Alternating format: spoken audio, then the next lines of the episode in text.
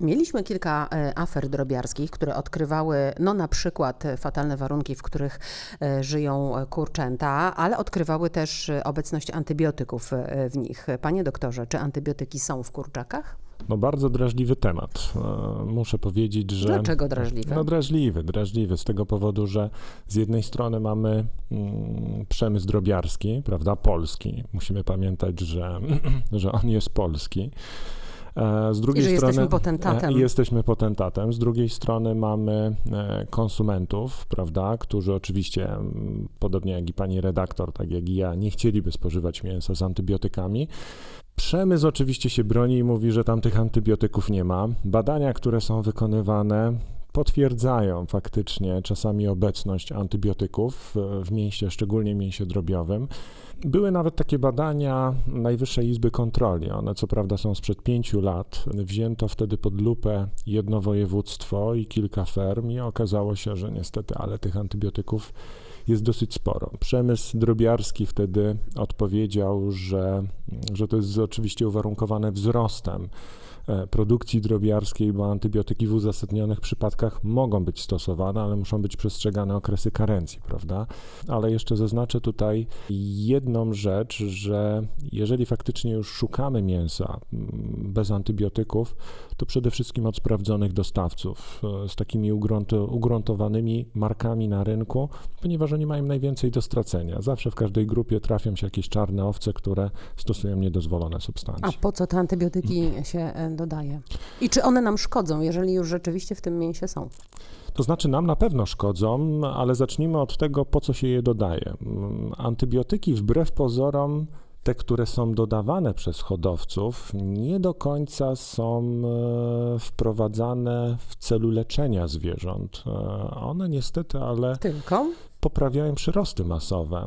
To jest Czyli związane, szybciej rosną kurczaki, no, kurczaki szybciej, szybciej rosną. No to generalnie chodzi, bo jeżeli okres odchowu ptaków trwa 6 do 8 tygodni, Tyle rośnie kurczak. Tyle normalnie rośnie kurczak. Natomiast e, jeżeli możemy go skrócić do 6 tygodni, czyli tej dolnej granicy, no to postawmy się w, jak gdyby w pozycji tego producenta, prawda? No to wyhoduje on więcej. wyhoduje więcej w ciągu roku i wtedy więcej zarabia. A ja kiedyś czytałam ulotkę e, szczepionek e, czy też leków, e, które przepisowo podaje się kurczakom produkowanym w Unii Europejskiej i tam był lek, który nazywał się dokładnie, tu muszę sobie popatrzeć w notatkę, kokcydiostatyk. A pewien przedstawiciel firmy drobiarskiej, bo zapytałam o to, powiedział mi, że to jest taki taki antybiotyk, który można podawać. No nie Czyli do końca. jest pewnego rodzaju, ja tak wywnioskowałam, przyzwolenie w przepisach na podawanie tych kokcydiostatyków, które są antybiotykami. Proszę wyjaśnić, o co chodzi. Nie no, trzeba zdawać sobie sprawę z, z jednego elementu, że mm, taka przemysłowa, intensywna produkcja drobiarska, no niestety, ale musi dopuszczać pewne mm, środki do hodowli i leczenia też tych zwierząt, bo to, to wcale nie oznacza, że one nie chorują, prawda, i one nie są narażone na określone choroby. Dlatego antybiotyki w niektórych sytuacjach mogą być stosowane w produkcji zwierzęcej, ale też w przypadku produkcji drobiarskiej kokcydiostatyki. Przy czym kokcydiostatyki nie są antybiotykiem. To są substancje chemiczne, bo antybiotyki działają na bakterie. Jednak nie są. Natomiast kokcydioza to jest taka choroba wywoływana przez pierwotniaka. Te substancje, no, no w momencie, kiedy ona wybucha w stadzie, to ona bardzo szybko się rozprzestrzenia, co niestety może u takiego producenta generować bardzo duże straty, więc te kokcydiostatyki są wykorzystywane, przy czym musi być tutaj stosowana dobra praktyka hodowlana, bo szczególnie wtedy, kiedy podajemy je w tej ostatniej fazie tuczu, to muszą być stosowane okresy karencji, mniej więcej od 3 do 7 dni. Problem jest wtedy, kiedy ktoś ich nie przestrzega. Jeżeli A my one, tego nie wiemy, czy on Ale my tego nie wiemy, nie. no ale mhm. tutaj niestety zdajemy się na dobrą praktykę produkcyjną e, i, i dobrą opinię o producencie. E, no ale też mamy władzę nadzoru urzędowego, o tym nie można zapominać. Jednak mamy inspekcję weterynaryjną, która kontroluje tego typu elementy. Czy kurczak z zielonej łączki, e, tak się o nich mówi, ten taki hodowany powiedzmy przez mniejszych producentów jest lepszy od tego kurczaka, który jest hodowany na tych dużych fermach drobiarskich? Myślę teraz o składnikach odżywczych. Jeżeli chodzi o podstawowe składniki, one są bardzo zbliżone. Kurczaki takie z wolnych wybiegów, one zazwyczaj zawierają, są większe, mają więcej też białka, minimalnie, ale też większą zawartość tłuszczu, ponieważ tam nie kontrolujemy tych elementów, które mm, podawane są razem z paszą. Bo tutaj ten kurczak, to co wygrzebie, to zje, prawda? Na pewno różnią się te kurczaki właściwościami smakowo-zapachowymi, czyli to troszkę inaczej smakuje. e, Z tego względu, A że czy ta są dieta... gorsze te z dużych ferm? Niekoniecznie.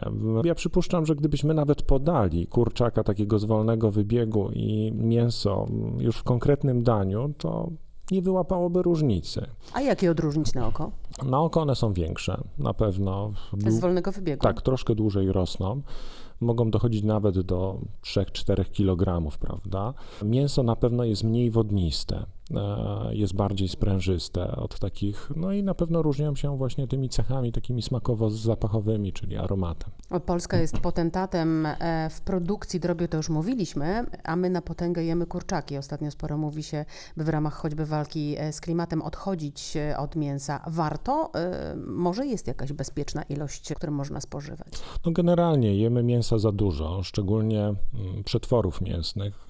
Zresztą chyba ja jeżdżąc po całej Europie nie przypominam sobie drugiego kraju takiego jak Polska, który miałby taką gamę przetworów na przykład z mięsa drobiowego, wędlin, prawda? To rzadko jest spotykane w innych krajach, ale generalnie, tak jak wspominałem, no, mięsa powinniśmy spożywać tak tygodniowo, łącznie z produktami i przetworami mięsnymi, czyli wędlinami, około pół kilograma. I niestety badania Światowej Organizacji Zdrowia jasno dokumentują, że to spożywanie w nadmiarze może prowadzić między innymi do chorób nowotworowych. Mięso akurat drobiowe, ono jest bardzo delikatne, zresztą to jest takie mięso ulubione przez dzieci. Tutaj też bardzo mocno bym uważał, bo e, badania endokrynologów jasno pokazują, że to szczególnie właśnie w ostatnim czasie są spore problemy właśnie identyfikowane w grupie dzieci, że na przykład mamy dziewczynki, które w wieku 5, 6, 7 lat dostają pierwszą miesiączkę albo zaczynają rosnąć im piersi, prawda? A co na to bezpośrednio wpływa ten nadmiar jedzonego mięsa?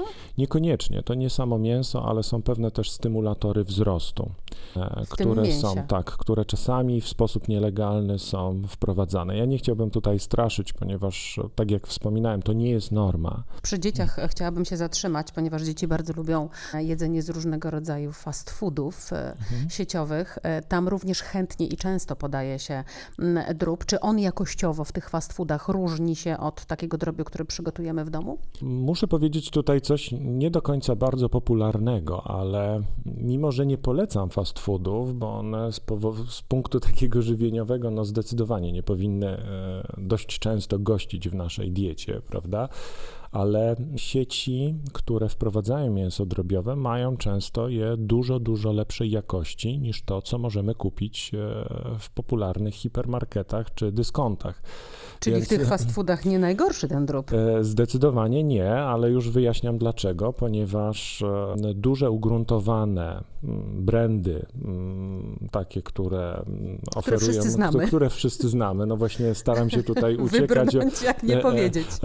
uciekać od pewnych nazw, ale mają bardzo rozbudowany system kontroli, ponieważ to się wiąże z dużymi stratami, czyli jeżeli do nich by przylgnęło, że akurat, nie wiem, w sieci, która sprzedaje głównie mięso drobiowe w swoich e, potrawach, To się roznosi po całym to świecie. się roznosi po, po całym świecie i niestety e, nie jest dobrze postrzegane. Na koniec, panie doktorze, bardzo krótko chciałabym zapytać, ponieważ podaliśmy tutaj kilka takich informacji, które myślę mogą e, trochę mrozić krew w żyłach, że antybiotyki, że kokcydiostatyki, że hormony wzrostu.